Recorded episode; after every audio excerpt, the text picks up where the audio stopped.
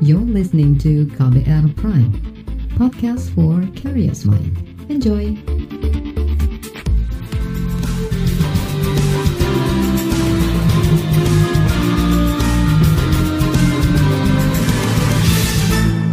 Halo saudara, senang sekali kami bisa menyapa Anda kembali dalam program KBR Sore. Untuk edisi hari ini, Senin 5 Oktober 2020, saya Agus Lukman akan menemani Anda selama kurang lebih 30 menit ke depan.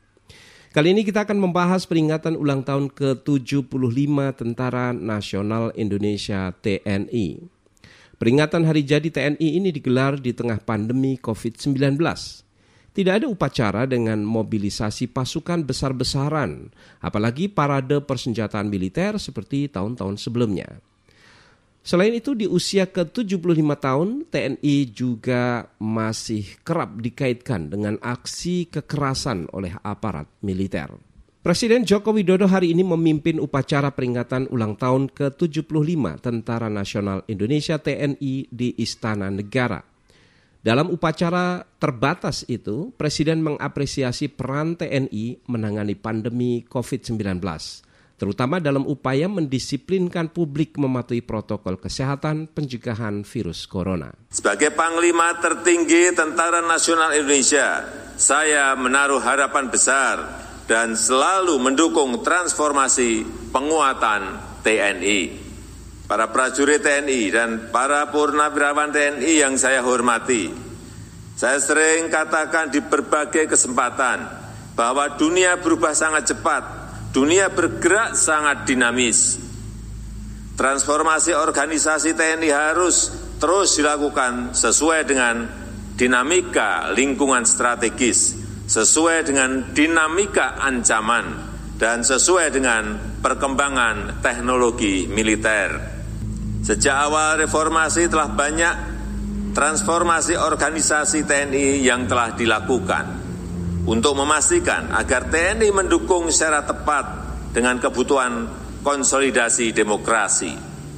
Untuk memastikan agar TNI bisa adaptif dengan perkembangan ancaman pasca perang dingin, ancaman-ancaman non-konvensional dan ancaman transnasional, dan untuk memastikan agar TNI mampu mengadopsi perkembangan teknologi militer terkini berbasis teknologi informasi, teknologi nano, dan teknologi automatisasi. Presiden Joko Widodo juga meminta agar TNI selalu bersikap profesional dan senantiasa menjadi kebanggaan rakyat Indonesia. Sementara itu, Saudara Panglima TNI Hadi Cahyanto melalui kanal YouTube di TNI menyampaikan amanat khusus Panglima TNI menyatakan pengabdian TNI merupakan bukti kesetiaan prajurit TNI untuk bangsa dan negara. Panglima TNI Hadi Cahyanto juga mempertemukan Presiden Jokowi dengan enam satgas TNI yang sedang bertugas di lapangan secara online, termasuk satgas TNI yang sedang menjadi anggota pasukan perdamaian PBB di Republik Demokratik Kongo. Pada hari ulang tahun ke-75 TNI diikuti secara virtual di seluruh jajaran mulai dari Sabang sampai Merauke. Pesertanya di antaranya adalah dari Mabes TNI, Mabes TNI Angkatan Darat, Mabes TNI Angkatan Laut, dan Mabes TNI Angkatan Udara. Termasuk juga jajaran Kodam, jajaran Komando Armada Angkatan Laut, dan jajaran Komando Operasi Angkatan Udara. Di samping itu juga diikuti oleh Satgas TNI, Satgas TNI untuk penugasan PBB di Republik Demokratik Kongo, kemudian Satgas TNI untuk pengamanan pulau terdepan di Pulau Skatung, wilayah Natuna, termasuk juga Satgas dalam rangka pengamanan wilayah Natuna Utara yang saat ini dilaksanakan oleh KRI Joli, Satgas pandemi COVID-19 di Pulau Galang, Satgas pengamanan wilayah udara nasional di Pulau Samlaki dan Satgas Pengamanan Perbatasan Negara RI dan PNJ di Sekau. Itu tadi Panglima TNI Hadi Cahyanto. KBR sore akan jeda sejenak, nanti kita akan hadirkan laporan khas KBR mengenai mandeknya reformasi peradilan militer. Tetaplah di KBR sore. You're listening to KBR Pride, podcast for curious mind. Enjoy!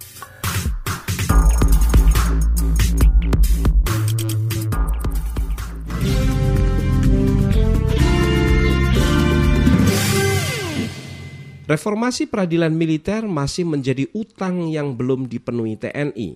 Hampir semua kasus yang melibatkan anggota TNI disidang melalui peradilan militer. Ini makin mempertebal impunitas atau kekebalan hukum anggota TNI karena jarang pelakunya dihukum berat. Simak laporan tim KBR yang dibacakan Astri Yuwanasari ya hampir semua kasus-kasus yang dilakukan oleh militer nggak usah dikuantitatif lah. Semuanya masuk peradilan militer yang terkait dengan pidana umum banyak lah itu tadi Direktur Imparsial Al-Araf menyoroti mandeknya reformasi peradilan militer. Hampir semua kasus yang melibatkan anggota TNI ditangani di peradilan militer, apa pun perkaranya. Padahal semestinya ada pemilahan berdasarkan jenis kasusnya, apakah masuk tindak pidana umum atau militer. Amanat tentang reformasi peradilan itu sudah termuat dalam TAP MPR tahun 2000 dan Undang-Undang tentang TNI. Namun sayangnya masih ada ganjalan karena belum ada revisi Undang-Undang tentang tentang peradilan militer. Hal-hal yang terkait dengan yurisdiksi peradilan itu harus dirubah bahwa yurisdiksi peradilan militer hanya untuk mengadili tindak pidana militer, sementara yurisdiksi peradilan umum untuk mengadili tindak pidana umum yang dilakukan oleh anggota militer. Nah, yurisdiksinya itu harus ditegaskan di dalam revisi Undang-Undang Nomor 31 Nah, sayangnya DPR sama pemerintah belum menjalankan mandat MPR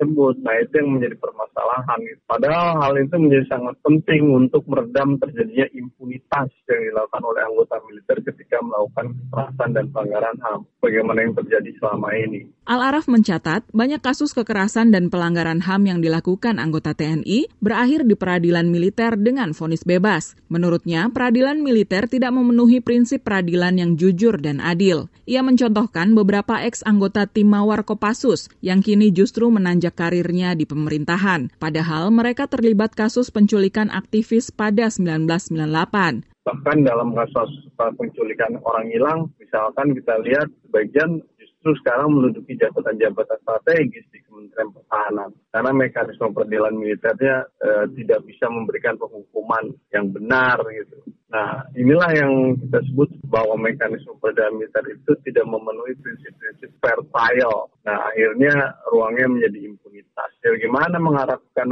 fair trial di dalam peradilan militer? Tersangkanya militer, pengacaranya militer, auditornya militer, hakimnya militer. Yang sulit untuk menghasilkan suatu peradilan yang objektif dan independen dalam konteks itu. Nah ini yang harus dilakukan adalah segera merevisi Undang-Undang 3197. DPR dan pemerintah harus melakukan itu. Araf menyalahkan presiden hingga parlemen yang gagal menjalankan fungsinya untuk mendorong reformasi peradilan militer otoritas sipilnya baik presiden atau parlemen itu tidak menjalankan fungsi kontrol yang baik. Nggak ada demokratik dan kontrol yang baik selama ini. Yang ada pragmatisme politik para pemimpin sipil dalam mengontrol militer. Akhirnya mereka bersikap permisif terhadap tuntutan-tuntutan militer dan menghambat upaya-upaya mendorong reformasi peradilan militer. Ketiadaan instrumen hukum yang cukup juga disinggung pengamat militer Muradi. Menurutnya, revisi UU Peradilan Militer sangat krusial agar reformasi TNI berjalan optimal. Kalau kita punya instrumen yang cukup, kan mereka juga nggak bisa kemudian berkelit ya. Jadi memang ukurannya adalah harus ada peradilan militer ya memang undang-undang peradilan militer memang membagi habis itu. Sekarang kita mungkin tidak terlalu agak abai lah dengan misalnya situasi tindak pidana militer, tindak pidana yang sifatnya berkaitan dengan etik dan sebagainya. Tapi kita concern misalnya berkaitan dengan yang menyangkut soal tindak pidana umum. Di situ yang saya kira ukurannya yang memang saya nggak bisa mengatakan bahwa kita kemudian berkeluh kesah. Tapi yang didorong bagaimana kemudian peradilan militernya atau RUU peradilan militernya itu ada dulu. Di mana ada pembagian supaya kita ada instrumen untuk bisa mengukur. Upaya paling maksimal saat ini baru di taraf peradilan koneksitas. Peradilan tersebut merupakan gabungan antara peradilan militer dan umum. Namun di model peradilan ini, masyarakat sipil berpotensi mendapat tekanan psikologis karena harus dihadapkan dengan aparat militer. Ada ya tadi peradilan koneksitas, tapi itu pun juga kita akan kemudian ada perasaan yang nggak nyaman.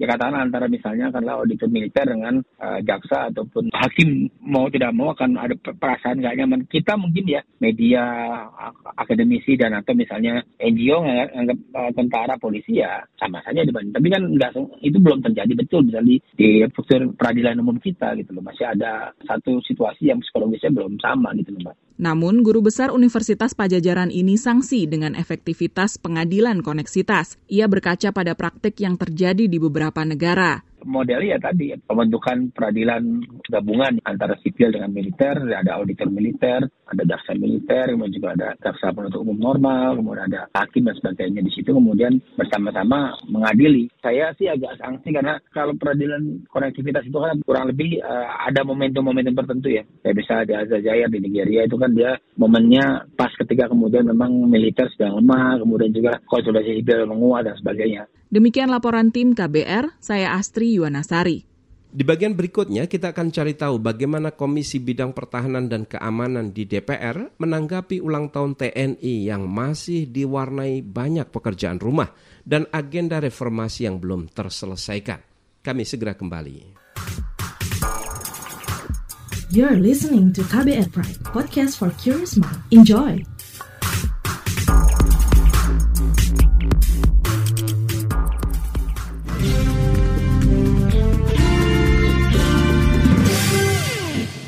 Terima kasih saudara Anda masih bersama kami di KBR Sore.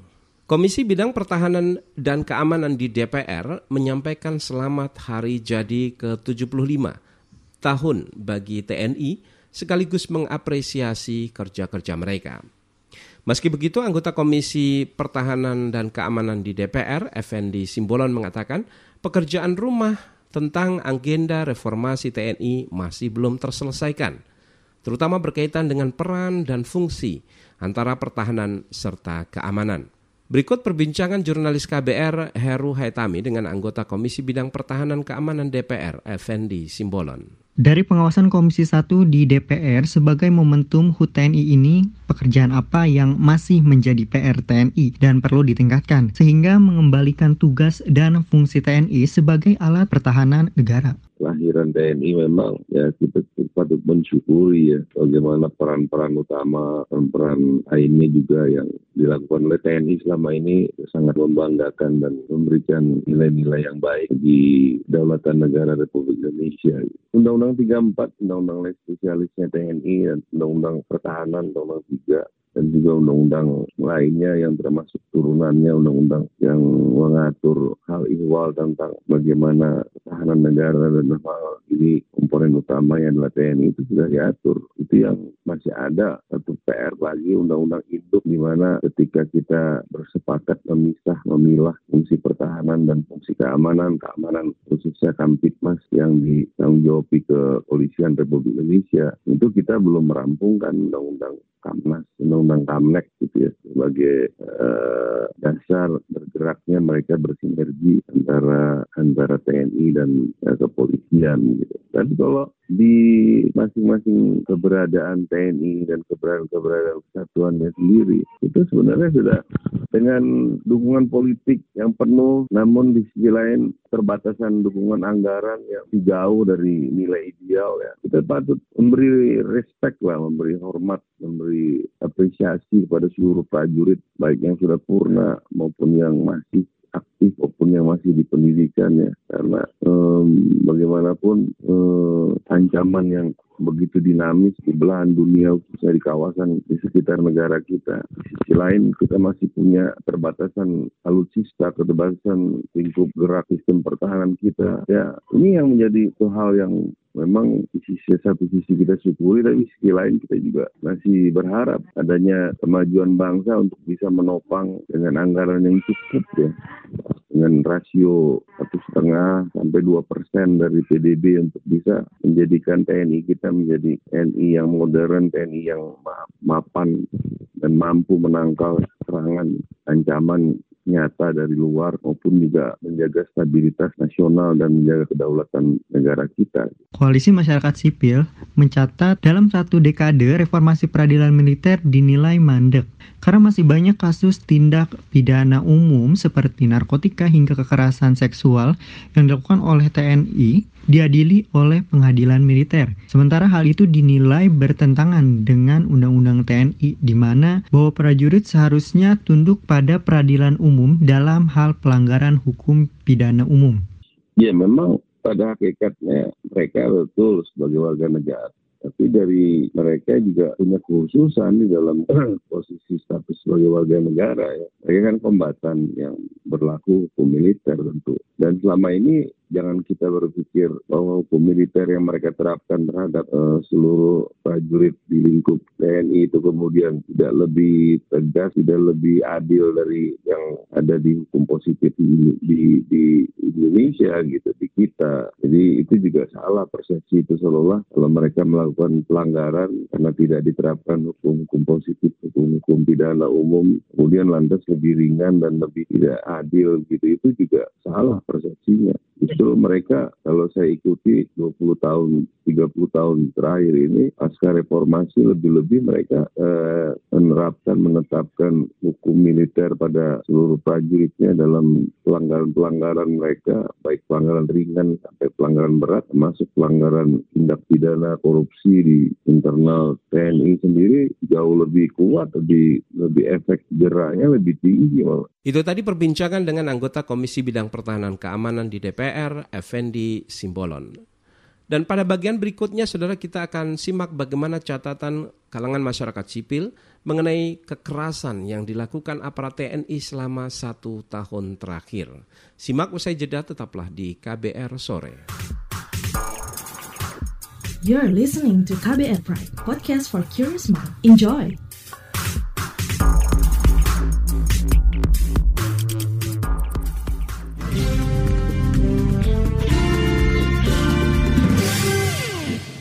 Anda masih mendengarkan KBR Sore.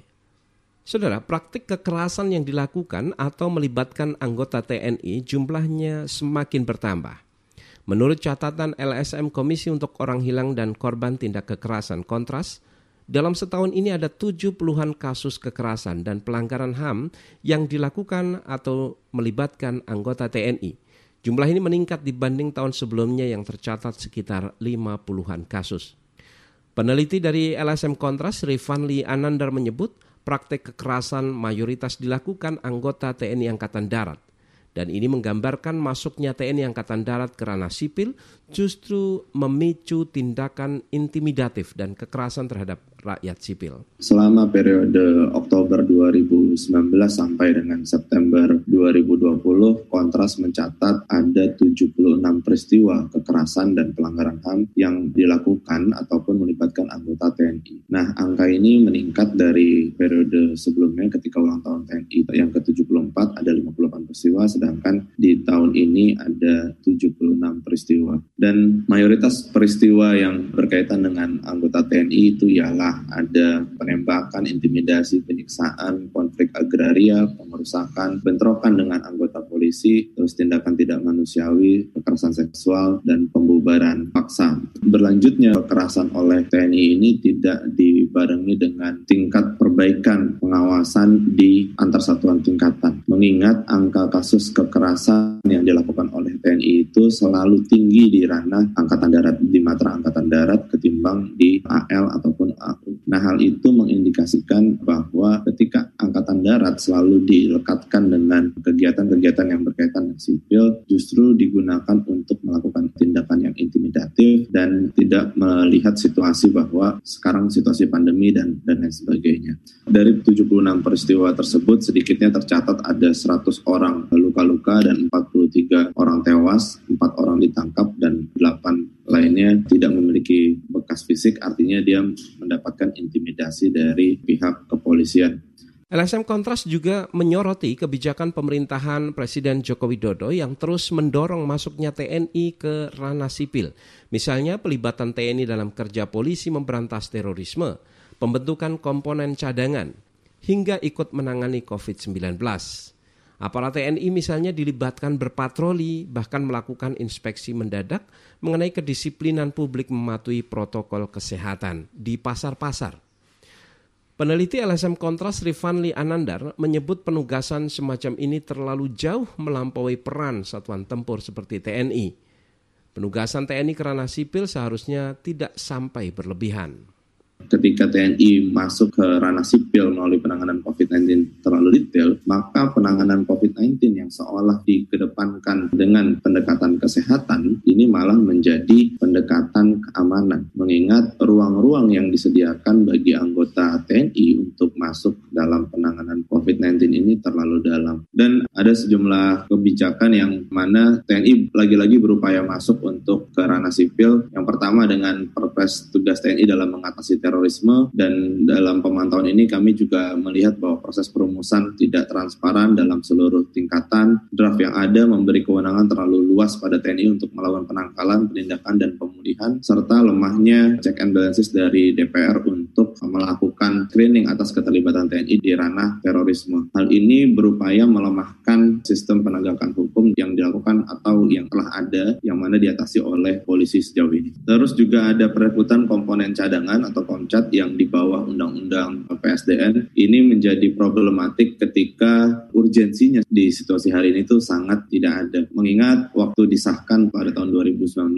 turunan-turunannya baru keluar di tahun 2020 dengan salah satunya adalah upaya mewajibkan militer melalui program bela negara dan masuk ke kampus-kampus. Rifanli juga mendesak agar reformasi peradilan militer di institusi TNI segera dipercepat Salah satunya mengenai aturan yang menyatakan prajurit tunduk ke peradilan umum jika melanggar hukum pidana umum sesuai dengan aturan perundang-undangan calon Panglima TNI nantinya harus mampu mengubah wajah TNI yang erat dengan kekerasan menjadi tentara yang humanis dan menjunjung tinggi prinsip-prinsip hak asasi manusia. Hal ini mengingat kultur kekerasan itu terus menjadi cerminan militeristik, baik itu yang bukan di Papua yang selalu ada konflik, tapi juga di daerah-daerah terutama yang berkaitan dengan bisnis militer seperti persoalan lahan atau penjagaan objek vital nasional. Yang kemudian mekanisme peradilan militer calon Panglima TNI yang baru, yang mana ini lagi lagi-lagi gagal menjadi perhatiannya Hadi Cahyanto pada masa kepemimpinannya. Ini harus ada upaya untuk mendorong revisi Undang-Undang 31 tahun 97 tentang peradilan militer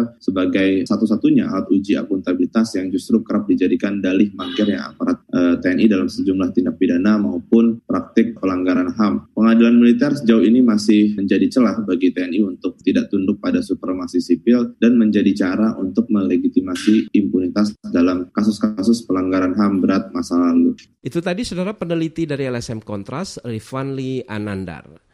Dan catatan dari Kontras tadi menutup jumpa kita di KBR Sore edisi Senin 5 Oktober 2020. Pantau juga informasi terbaru melalui kabar baru, situs kbr.id, Twitter kami di akun @beritaKBR serta podcast di alamat kbrprime.id. Akhirnya saya Agus Lukman, kami undur diri. Salam.